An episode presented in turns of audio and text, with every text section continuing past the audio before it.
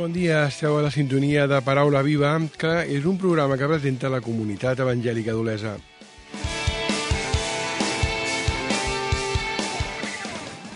El propòsit d'aquest programa és presentar-vos unes paraules molt especials, les paraules de Jesús, que ell va dir són esperit i són vida.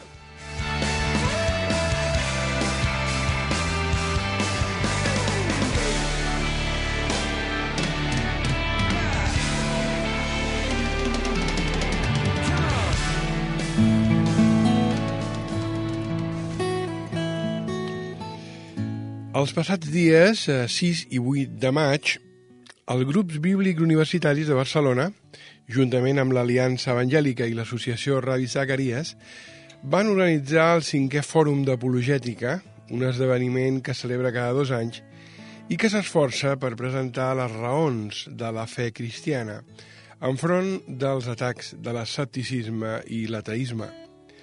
En aquesta ocasió, el convidat estrella del fòrum ha estat el doctor John Lennox, que actualment és professor de matemàtiques a la Universitat d'Oxford i professor associat de matemàtiques i filosofia de la ciència al Green Templeton College d'Oxford també.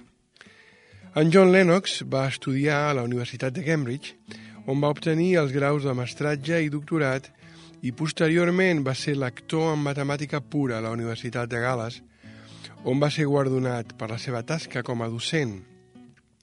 Més endavant va ocupar la càtedra Alexander von Humboldt a les universitats de Würzburg i Freiburg, Alemanya. El doctor Lennox també té un màster en bioètica que respon al seu interès personal en les relacions entre ciència, filosofia i teologia. I ha donat conferències i ha escrit nombrosos articles i llibres sobre matemàtiques, i també sobre apologètica cristiana. Bé, fonamentalment he donat tots aquests detalls del currículum acadèmic del doctor Lennox per desmuntar una fal·làcia que se sent sovint, i és que la fe, es diu, és cosa de persones ignorants i no gaire intel·ligents. La implicació d'aquest argument és que qualsevol persona que pensi una mica i tingui una formació acadèmica mínima no podrà creure en Déu. No podrà fer-ho perquè, suposadament, la fe i la raó s'exclouen. Doncs bé, persones com en John Lennox desmenteixen automàticament aquesta fal·làcia perquè representen a un gran nombre de brillants intel·lectuals amb una extensa formació acadèmica i que, no obstant, tenen una fe, una fe senzilla, vital i vibrant en la paraula de Déu i en el Senyor Jesucrist. El doctor Lennox no tan sols no veu cap contradicció entre la seva tasca científica i la seva fe, sinó que, de fet, les considera perfectament complementàries i compatibles. La polarització entre Déu i la ciència és falsa, diu Lennox.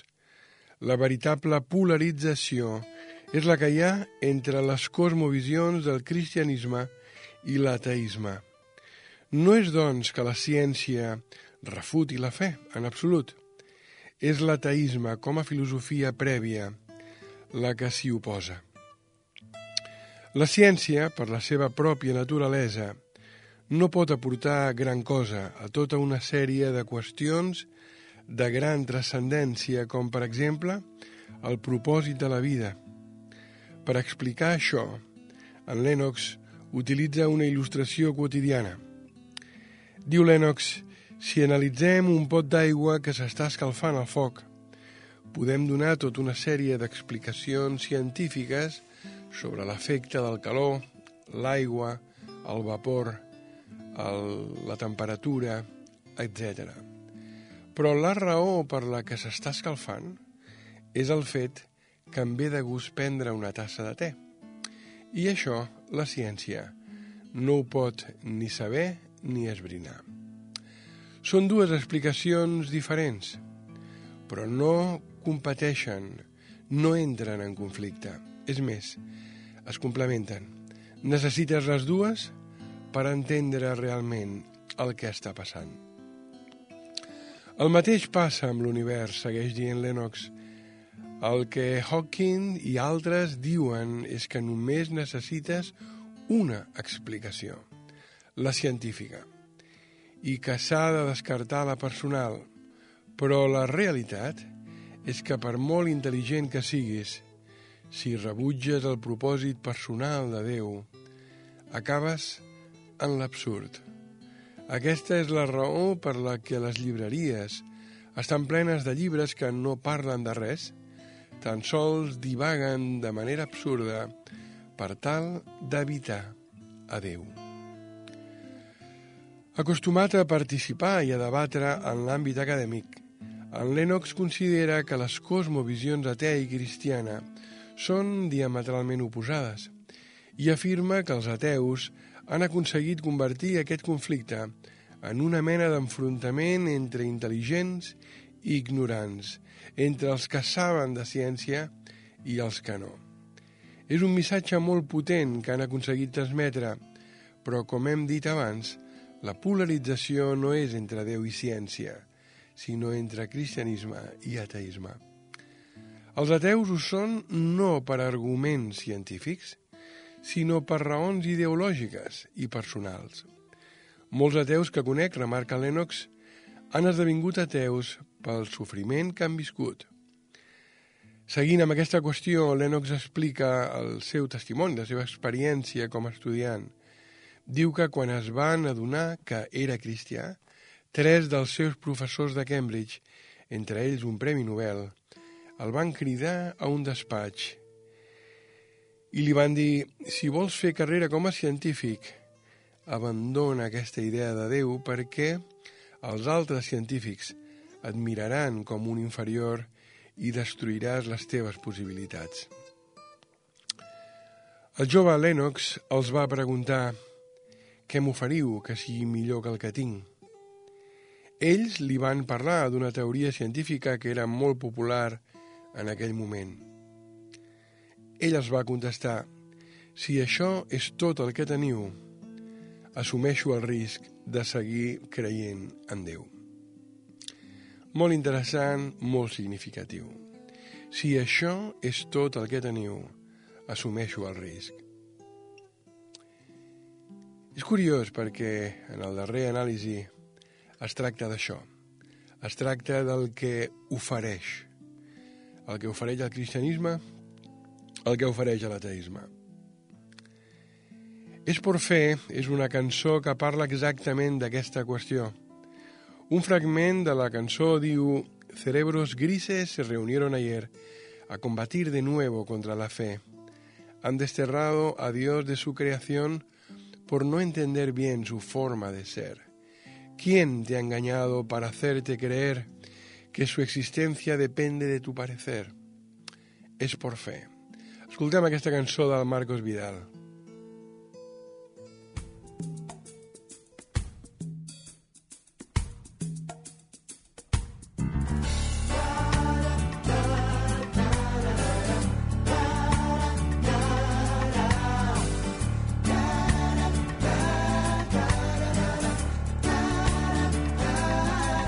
Cerebros grises se reunieron ayer a combatir de nuevo contra la fe.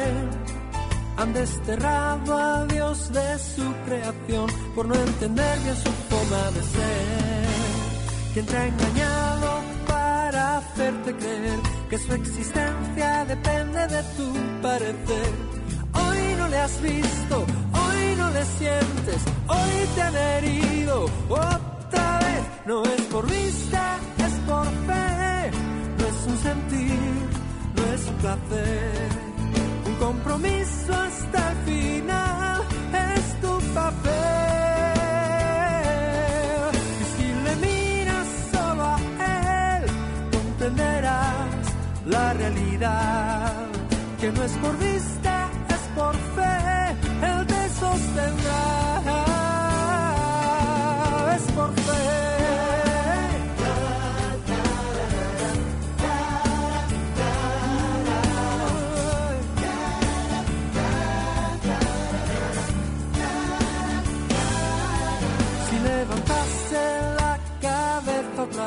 Nuestro pariente el hombre de Cromañón haría señas por hacerse entender para enseñarnos alguna lección. Porque al final de tanto conocimiento hemos caído en el error otra vez. Y solo la fe del Hijo de Dios nos puede hacer libres. Otra vez no es por vista, es por fe. Es un sentir, es un compromiso hasta el final es tu papel. Y si le miras solo a él, comprenderás la realidad. Que no es por vista, es por fe, él te sostendrá. No es por vista, es por fe, no es un sentir, no es un placer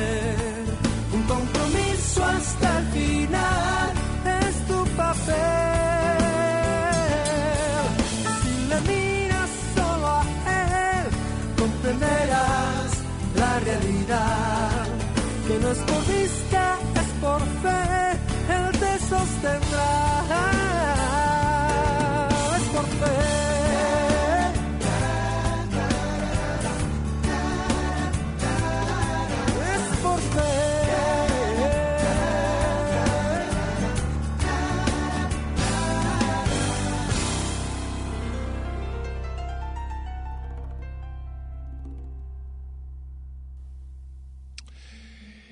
Bé, avui a Paraula Viva parlem del fals conflicte que suposadament hi ha entre fe i ciència.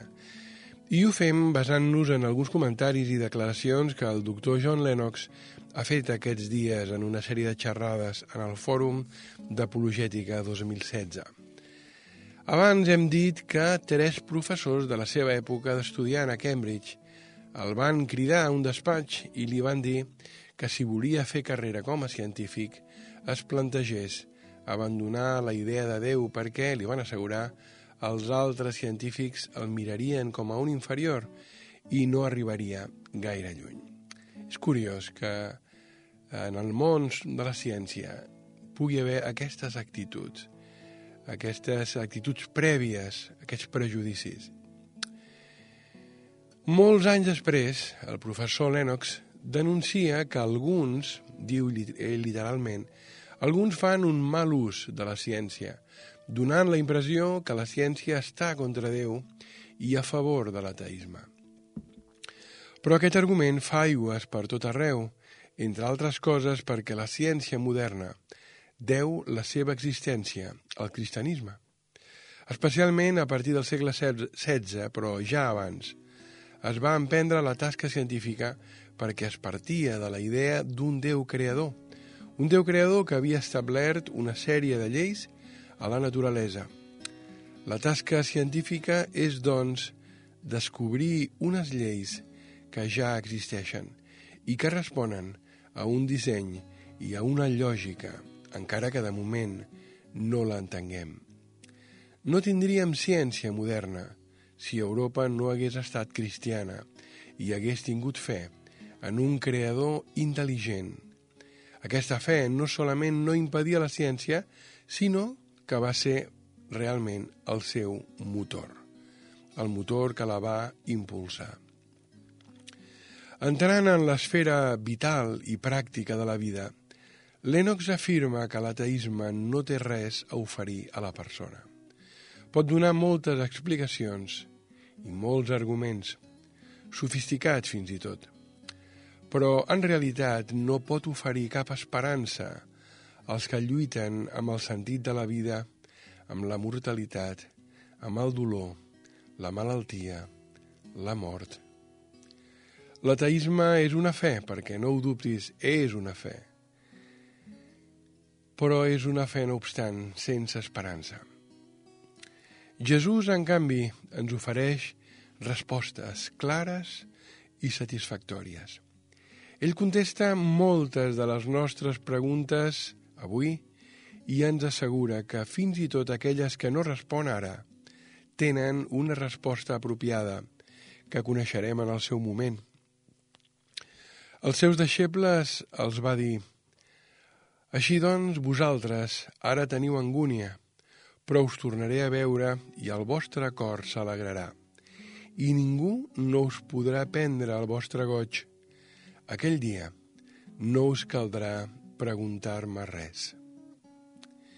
Jesús ens ofereix plena satisfacció.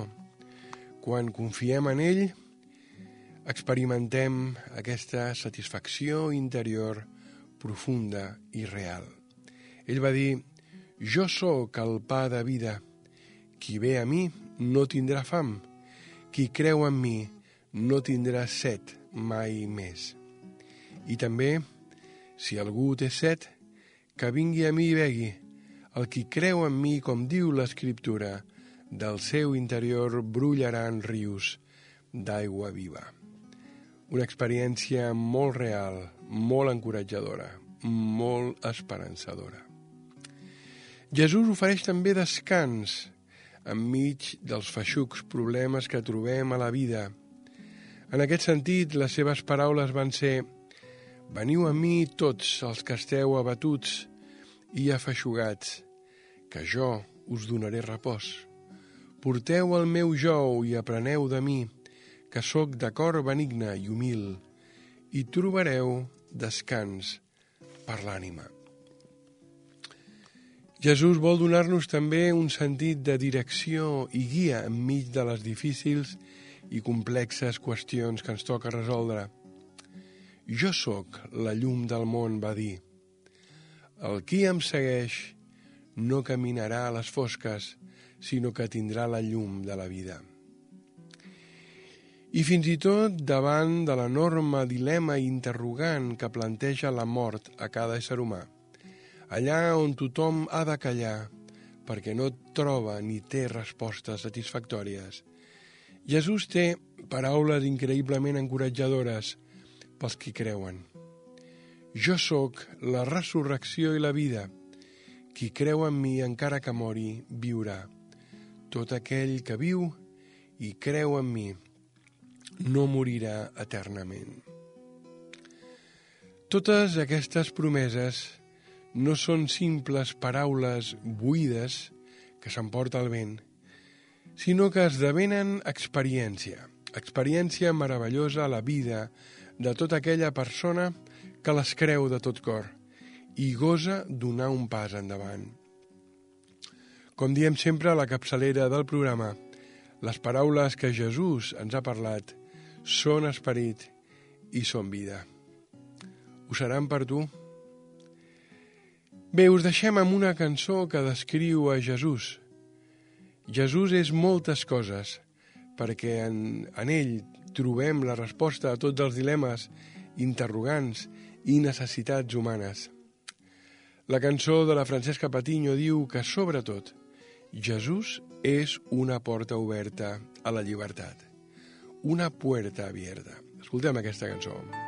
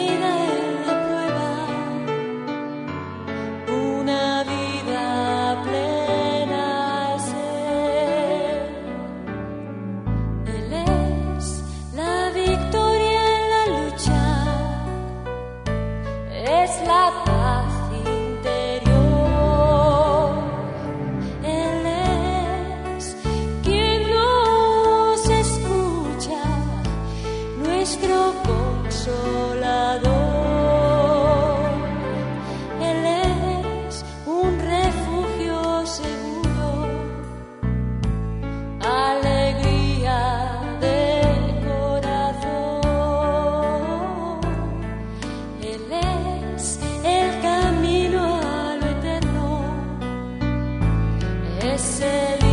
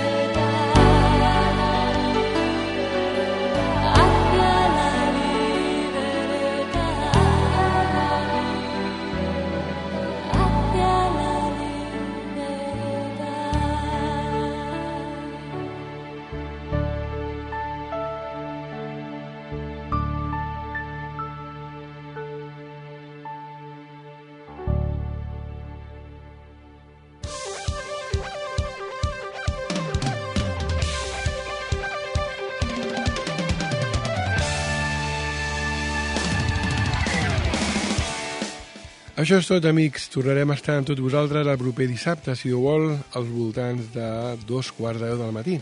Fins aleshores hi ha un telèfon que espera les teves eh, aportacions, preguntes...